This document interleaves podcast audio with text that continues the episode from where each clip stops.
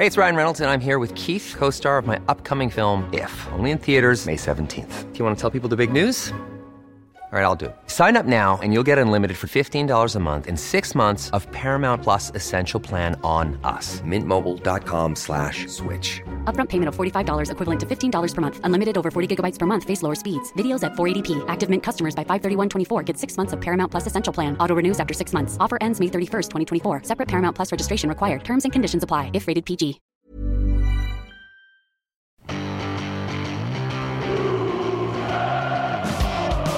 Sagt hele vinteren at det er, vi skal være klare i Bodø.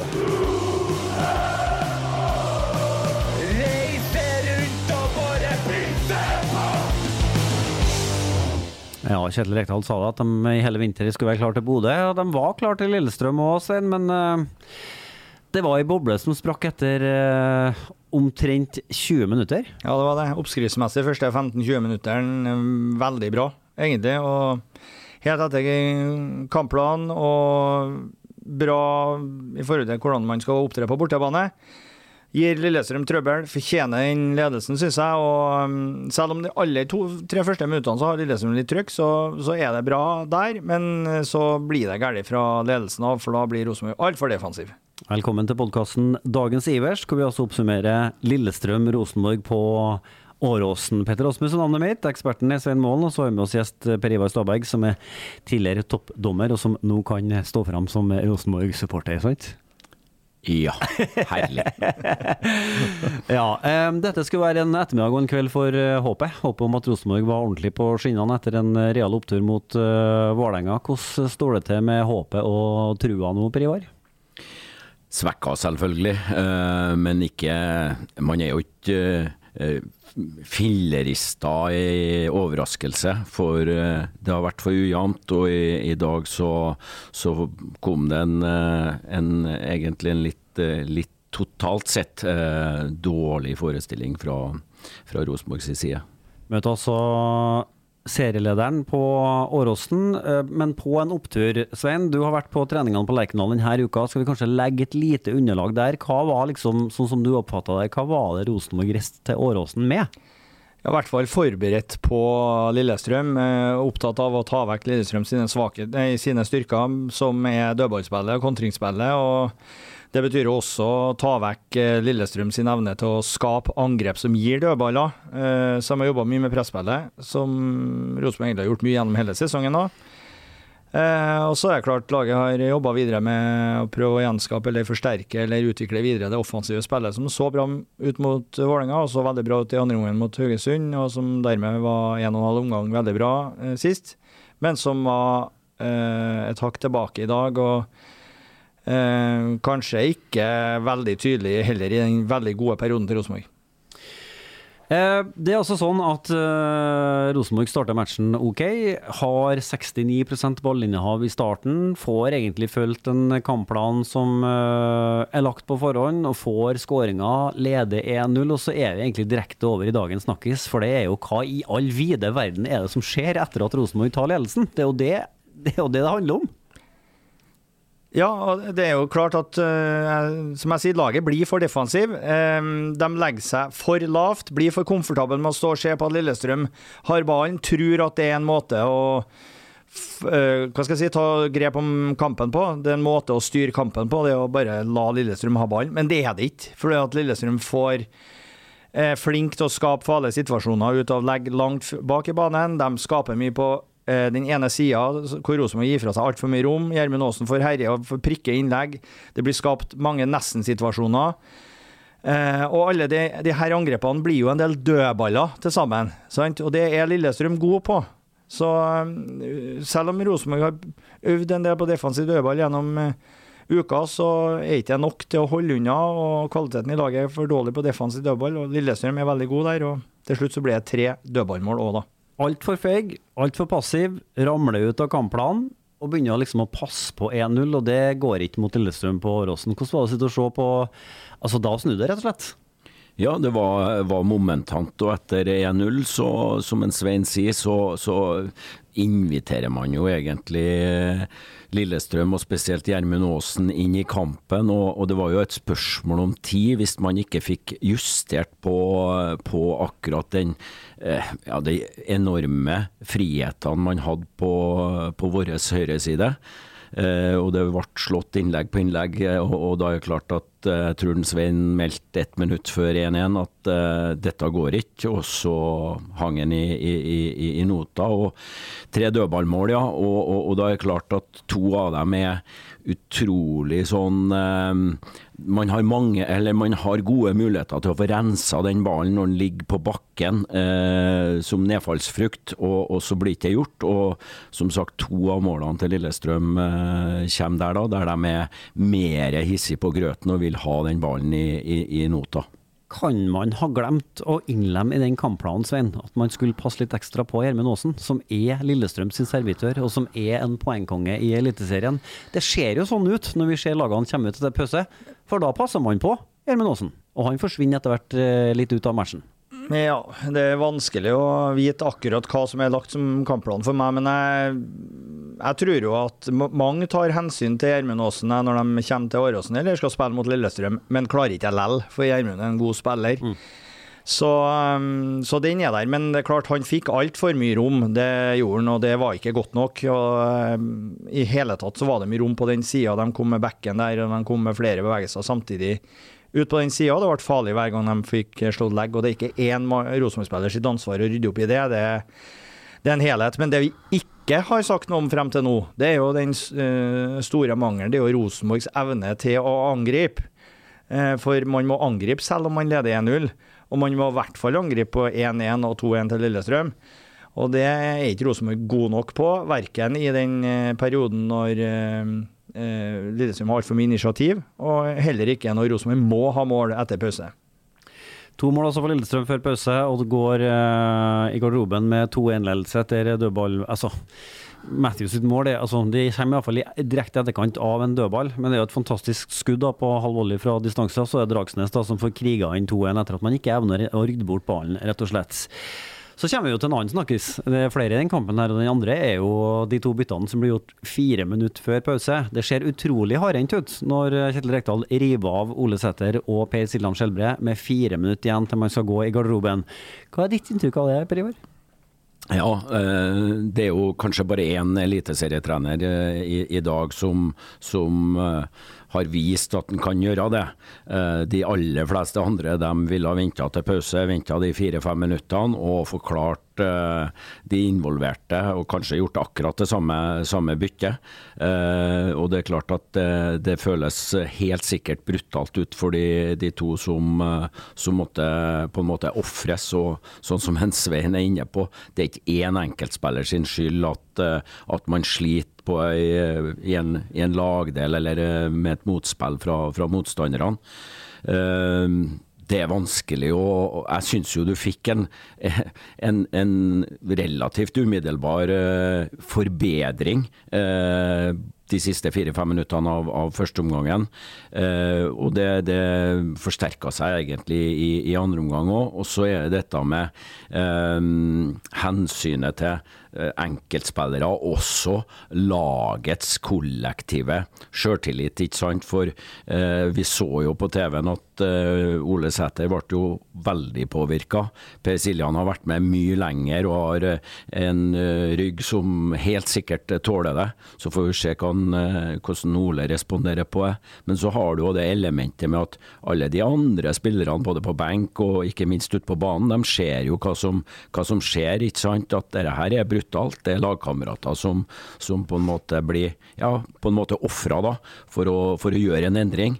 Og, og hvordan det påvirker. Eh, blir man mer i mm, fanden i voldsk, eller eh, tenker man er jeg nestemann? Eh, ja, mange spørsmål rundt det. Kjetil sa vel òg at han burde ha gjort endringer tidligere. Ja, for Vi ja. står her nå rimelig umiddelbart etter kampen, så vi har ikke liksom det totale bildet over hva som blir sagt i etterkant av matchen. Men vi har jo plukka opp at uh, han sa det, at uh, byttene sto for, men han skulle bare gjort dem enda tidligere. Ja da, uh, han sa det.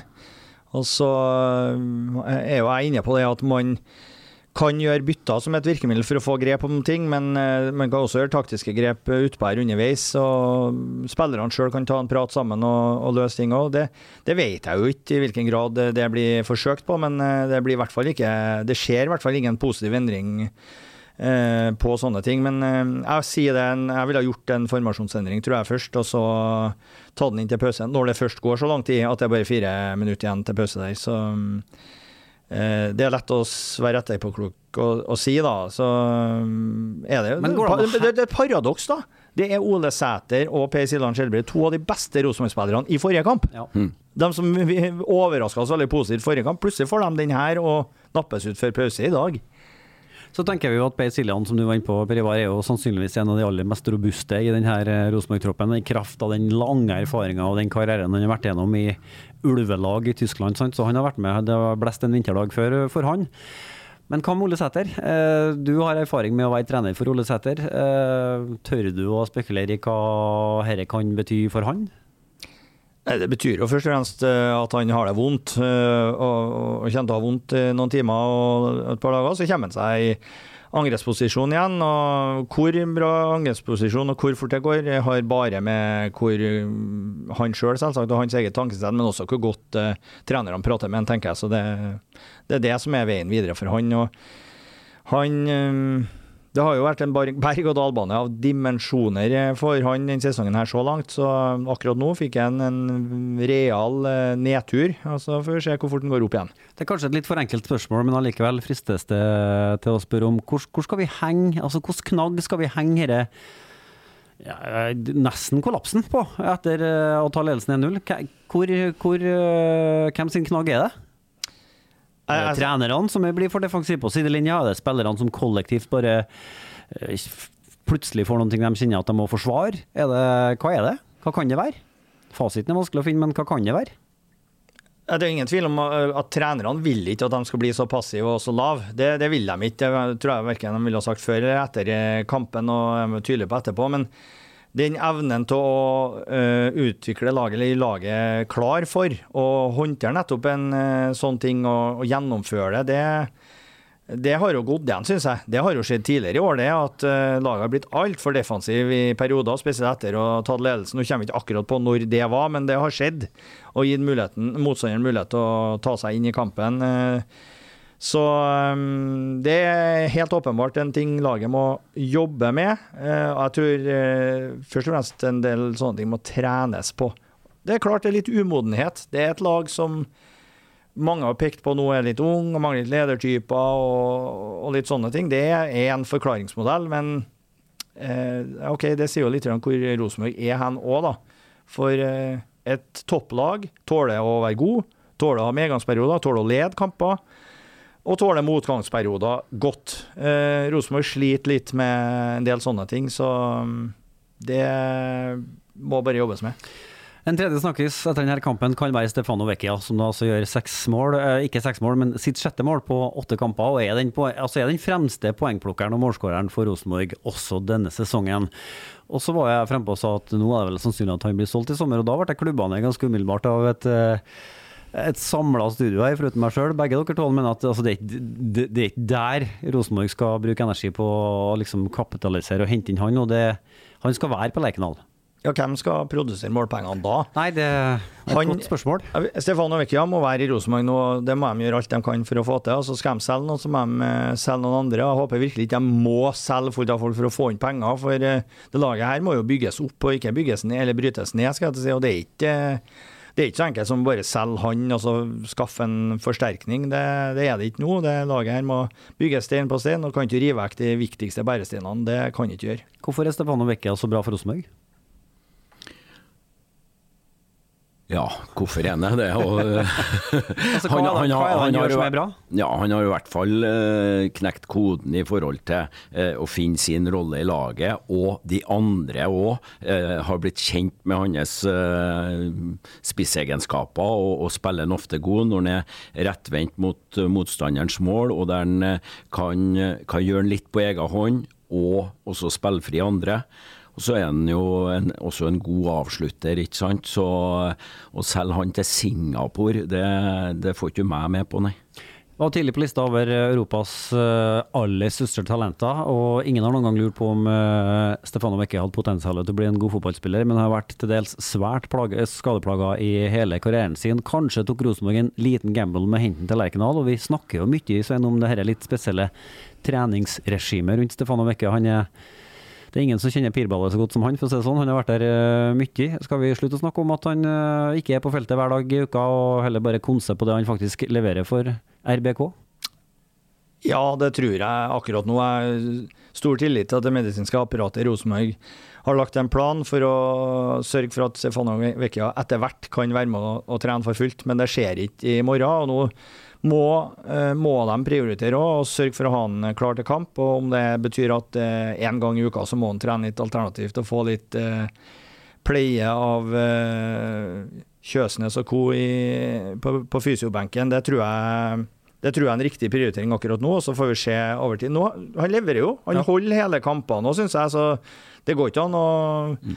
si så mye på det. Men ta de situasjonene Stefano Wickhoff har ballen i fot, rettvendt, spesielt i og rundt 16-meteren, det er ganske farlig hver gang. Og der har du svaret, egentlig.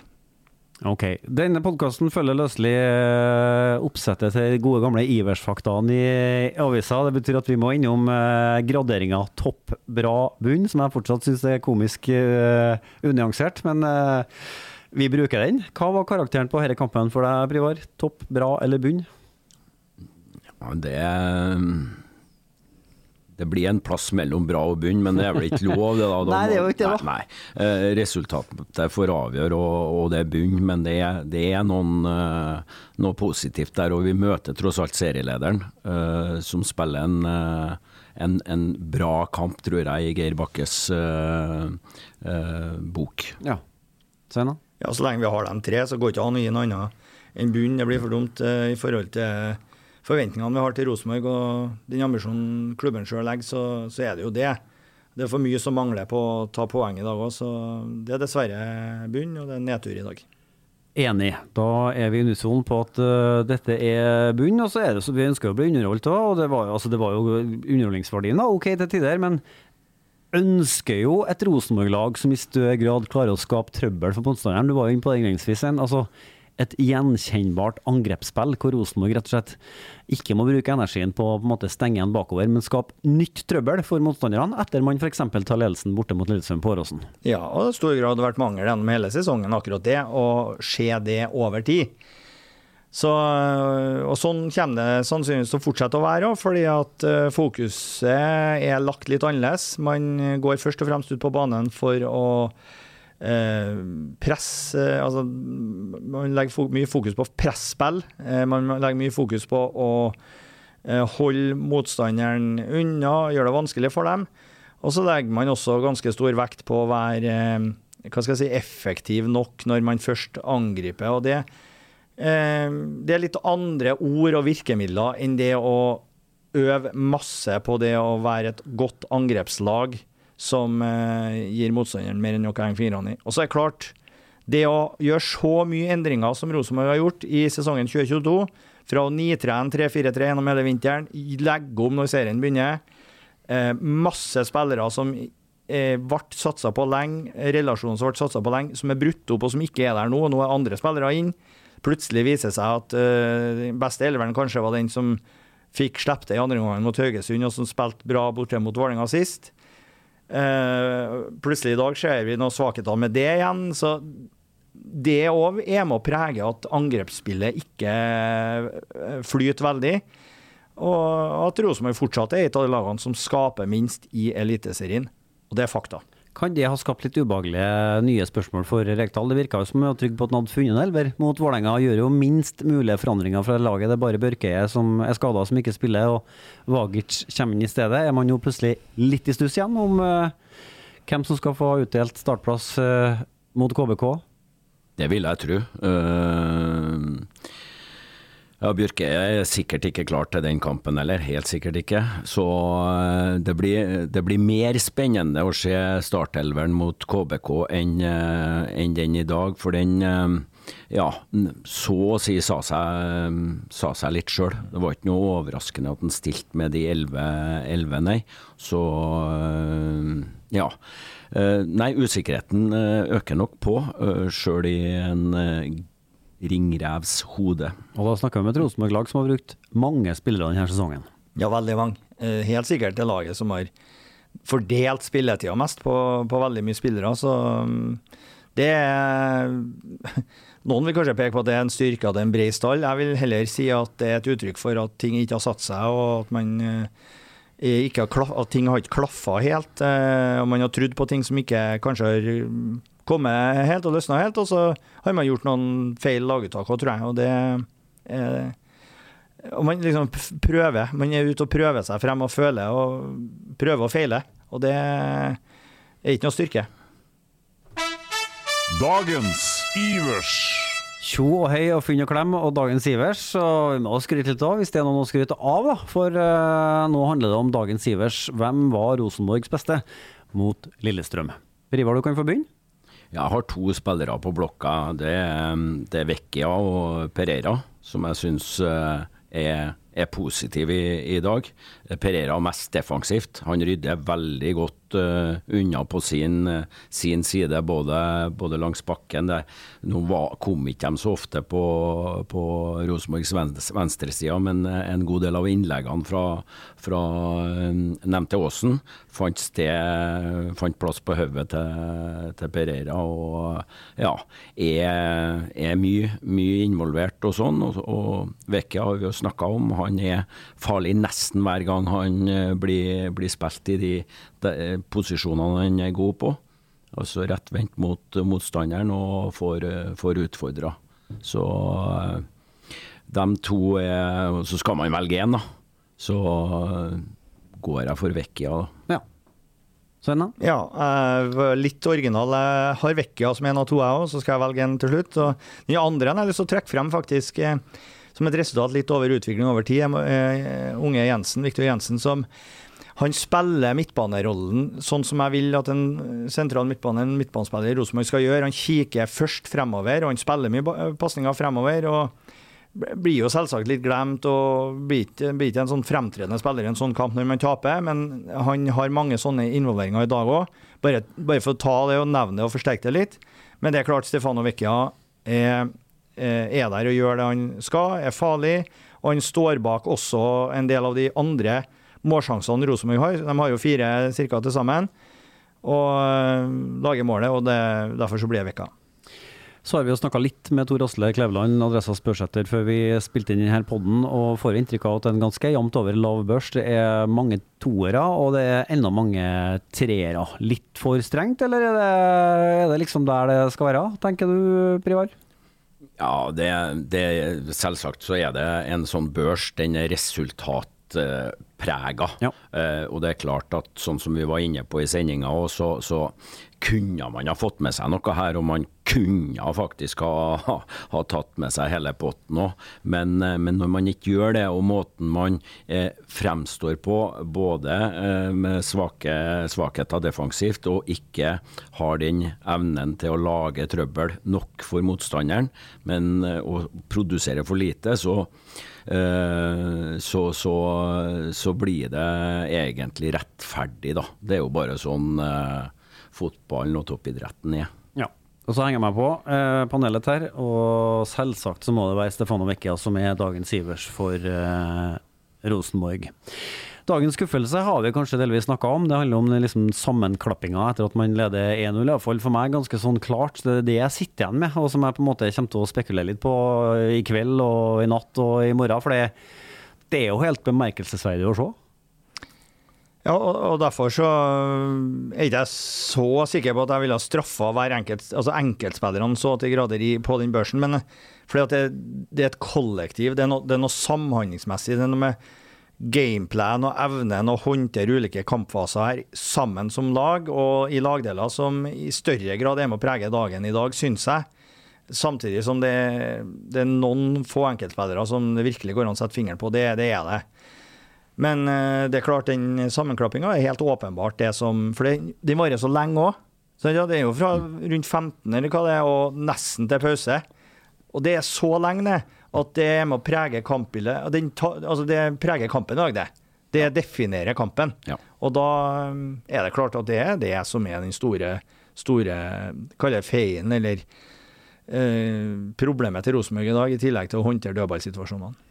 Normalt sett så snakker vi ganske lite om dommeren i iverstrekninga vår, men uh, i dag kan vi på en måte gjøre et uh, unntak med at vi har særdeles kvalifisert uh, gjest i studio som kan mene noen ting om det. Blir det bare en unnskyldning om man snakker mye om dommeren? Ja, det jeg tror ikke vi skal snakke så veldig mye om men, men eh, det, det er jo liksom eh, loddet til, til dommerne. Det er at du kan være god i 89 minutter. Gjør du én eller to eh, feil som kan ha påvirkning på kamputfallet, så, så får han eh, karakteren bunn, ikke sant. Det er det man husker. Og i så måte syns jeg Espen Eskås i dag var, han var gjennomgående god han, i, i, i, i kampen. Det er klart det var litt temperatur og sånn, men så har du de her enkeltsituasjonene der jeg mener åpenbart at eh, vi er, vi er frarøva en, eh, et frispark, et indirekte frispark på tilbakespill til, til keeperen, eh, som er Ja, Sven meldte inn 70% sjanse for å gå i mål. Jeg tror ikke du har tatt opp statistikkboka helt der, Sven, men, men i hvert fall det er en stor sjanse å få et indirekte frispark der. På fem meter. På fem meter. Ja. Ja, ja, ja men eh, det, det, det har vært bedre hvis muren har stått ni meter unna og du har fått tatt den på ni meter. Ja da, men eh, det må klare Ja. spillerne klare Ja. å få inn ballen i mål. Men OK. Ja, ja, da. Ja, en, eh, en stor sjanse. Og så, og så er det klart at, eh, at Pereira skulle hatt frispark i, i, på midten der i, i forkant av det som eh, etter hvert da blir, blir en skåring til Lillestrøm. Og så eh, skulle Pereira hatt et straffespark imot når han, eh, når han er for sein og kaster seg inn i ryggen på Lillestrøm-spilleren der helt ned på dørlinja. Så det, det er de tre eh, grove feilene. Ellers så, så var, han, eh, var han bra. Og så, ja. Sånn, sånn oppsummerer jeg akkurat Ja. hans. Så kan jeg smyge inn en liten skuffelse til. Det kom jo rapporter fra Lillestrøm om at det hadde vært noen eh, tumulter i forkant av matchen, hvor eh, noen fra Lillestrøm og noen fra Rosenborg Jeg deler overhodet ikke ut noe skyld her. Men jeg bare sier at eh, når det blir tumulter, så har man da misforstått ordet engasjement i min bok iallfall. For det er lov å heie på laget sitt, og så er det helt ikke lov å begynne å bli hardhendt med supporterne til motstanderlaget. Og så hagler det beskyldninger rundt politiet på Lillestrøm og alt mulig rart, men det, for meg er det bare et enkelt ord som beskriver det der, det er at det er skuffende. For det er unødvendig. Har du påfyll? Ja, Du nikker, ser jeg. Det funker dårlig på radio. Ja, nei, jeg prøver jeg, Altså, vet jo svært litt om det. Voldshandling har jo ikke noe med fotball og fotballengasjement å gjøre, etter mitt syn. Men, uh, uh, men når det er sagt eh, Supporterne til Rosenborg som enhet, eller liksom generelt, er jo de beste supporterne i Norge. Ja, og det kan vi gjenta i dag. Det skal vi gjenta i dag igjen. Det har vært fantastisk, fantastisk møte på, oppmøte på bortebane. Igjen, tross varierende prestasjoner. Sant? Altså det må først og fremst ta det, og så får nå dem som eventuelt bråker, finne på noe sånn annen måte å liksom markere seg på, tenker jeg. Ja. Eh, det er vi enige om. Så eh, rett og slett siste post på programmet er å se litt fremover. Eh, det er også først Levanger i cupen.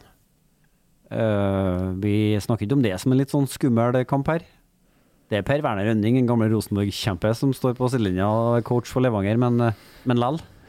Eh, Det blir så vi, Da er vi pessimistiske og begynner å snakke om det som en eh, skummel Det er en skummel, altså det er en skummel kamp. Det er det tredje runde, og et andredivisjonslag er i stand til å lage trøbbel for en eliteseriekamp, en motstander. Det har skjedd tusen ganger før, også for eh, Rosenborg sin del. Men, eh, men eh, samtidig Jeg tror Rosenborg har kvalitet nok i laget til å komfortabelt slå Levanger, selv om Levanger eh, i stand til eh, en av eh, 20 ganger da, og gi Rosenborg trøbbel. Ok, Og så er det KBK hjemme på Lerkendal. og det jeg har jo lyst til å si at det passer fint, for at KBK har jo vært eh, det desidert dårligste laget i Eliteserien så langt. Men, men er, er det jo litt farlig? Ja, selvfølgelig, for uh, uh, KBK, ikke sant. Eh, det er ikke så ulikt det laget de eh, stilte med i fjor. En del, eh, del, endringer er det jo på det, og de har prestert mye mye dårligere enn hva de gjorde i fjor. Og eh, Mikkelsen i, i KBK venter helt sikkert på at prestasjonene og resultatene skal snu. Men igjen da, så er det jo litt det samme som hvis du ser det med Rosenborg-øyne, så, så, skal du frykte KBK eh, der oppe, selv om de har laga trøbbel før. Men da har de hatt et, eh, et annet format på, på prestasjonene i, i, i, bagasjen når de har reist opp. Så, men det er klart, de har egentlig øh, Ja. Øh, det forventes ikke all verden av dem når de kommer på Lerkendal i år. Men det, men det er jo snedig, en snedig motstander eh, Rosenborg skal møte, sant, som har hatt kontinuerlig framgang hvert eneste år siden hva det er, 2013 eller noe sånt. Ja. Eh, og tatt nye steg hvert eneste år.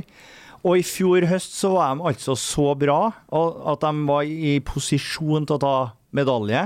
Og ikke bare medaljen, kunne faktisk tatt uh, en av de Sølv. Ikke sant? De kunne tatt en topp to der. og og har de fortsatt trenden, så har de jo klart det. Og da begynte de å snakke om det. Og begynte å snakke om at nå så er vi så gode at nå skal vi, skal eh, tørre å snakke om det òg. Og etter det så går det rett unnabakke. Og det er så klassisk, og det er så typisk. Og de har sin første lange motgangsperiode, altså siden 2013 som klubb. Og det laget skal Rosenborg møte, og det er klart, en dag så snur det jo litt for dem òg.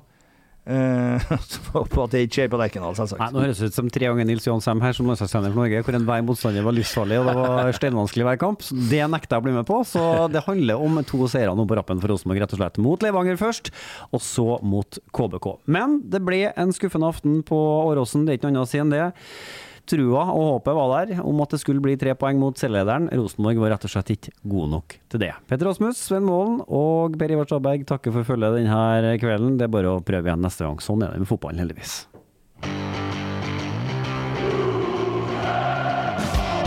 Vi har sagt hele vinteren at vi skal være klare i Bodø.